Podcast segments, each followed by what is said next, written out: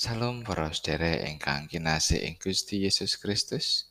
Matur nuwun panjenengan taksih miyarsakaken Sabda Winedhar. Renungan watintenan basa Jawi. Sumangga kita ndedonga saderengipun kita nampi sabdanipun Gusti. Gusti Allah Rama kawula ing swarga mulya saha langgeng.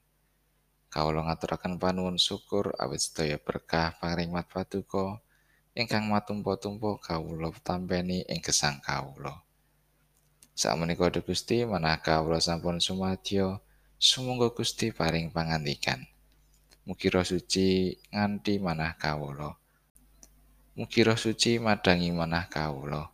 Anginipun kawula mangertosi menapa ingkang paduka kersakaken lan kawula tindakaken. Tasih kathah dosa kalepatan kawula ing ngarsa paduka.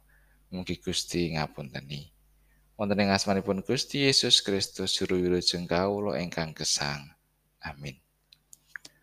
Wawasan kapendet saking Purwaning dumadi bab sekawan welas ayat pitulas dumugi sekawan likur.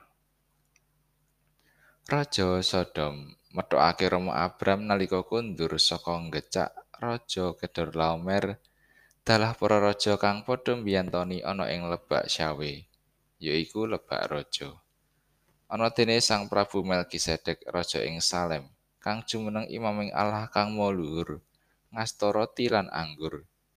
Sarta berkahi marang Rama Abram pangantikane. Sedherek Abram mugi kaberkahono dening Gusti Allah ingkang Maha Luhur, ingkang nitahaken langit lan bumi. Sarta pinujiya Gusti Allah ingkang Maha Luhur, dene sampun masrahaken mengsah jengandika wonten ing asta jengandika. Remo Abram banjur ngaturake sapro sepuluhe barang bandangan mau. Raja ing Sodom banjur ngendika marang Romo Abram. Tiangipun mugi jengandika paringaken dhateng kula. Dene menggah raja darbe kula aturi mundut. Nanging Romo Abram matur marang raja ing Sodom. Kula supaos demi Sang Yewah Allah ingkang Maha Luhur, ingkang netahaken langit lan bumi. Bilih kula mboten badhe mendhet sadengah menapa ingkang dados kagungan dalem sedaya. Dados namung benang saler utawi tangsuling trumpah. Supados panjenengan dalem sampun ngantos kandika kang nyugihake Abram ra aku. Menawi kula sampun ngantos pisan-pisan. Namung menapa ingkang sampun dipun tedha dening para rencang saha pandumanipun ingkang sami mbiyantu pangloro kula. Inggih menika Aner, Eskol kalian Mamre. Kajengipun mundut bagianipun piyambak-piyambak. Makaten pangantikanipun Gusti ayat najeng ayat 19. Sarta berkahi marang Romo Abram pangantikane. Sederek Abram mugi kaberkahono dening Gusti Allah ingkang Maha Luhur, ingkang netahaken langit lan bumi. Berkah menika perangan penting ing gesanging manungsa. Berkah menika namung saking Gusti Allah piyambak. Memutuges bilih sedaya barang darbe kita. Kamulyan, kaluhuran, derajat, pangkat menika namung saking Gusti Allah piyambak. Menika tansah ngengetaken kita ing saben wekdal.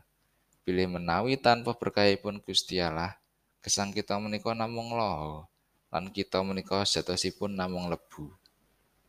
Bab menika mbetahaken sikap lan manah ingkang andhap asor. Berkah menika ugi tansah ngatak kita ing tumindak lan wicanten supados namung bab sae lan bangun ingkang medal saking tutuk lan gesang kita. Ateges kita tansah ngasah lan ngolah lan tiping rasa nuwuhaken grengsenging lan kumregaing gesang ingkang saged mbangun diri lan sesami. Tebih saking manah ingkang mentingaken diri lan pengin masane liyan berkah ugi nata kita supados namung pados pustaka waosan lan ugi postingan ingkang langkung prayogi lan migunani tumrap gesang kita sedaya. Berkah menika ugi bab ingkang bangun pasderekan sejati ingkang boten lamis. Kados dene Romo Abram lan nata Melkisedek.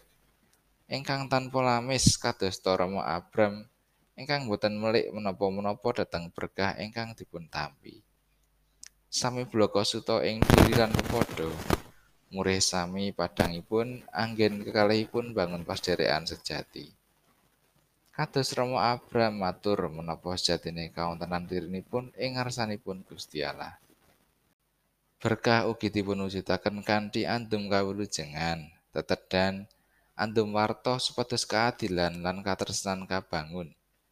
Nata Melkisedek andum roti lan anggur. Dene Rama Abram andum sapradosa gadahanipun.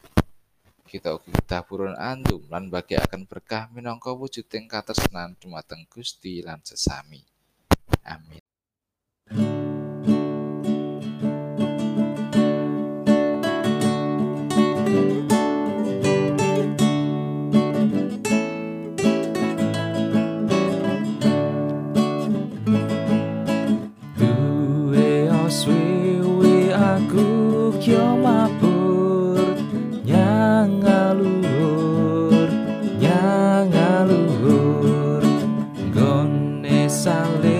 prihatin wos lebur nyang ngaluhur ngaluhur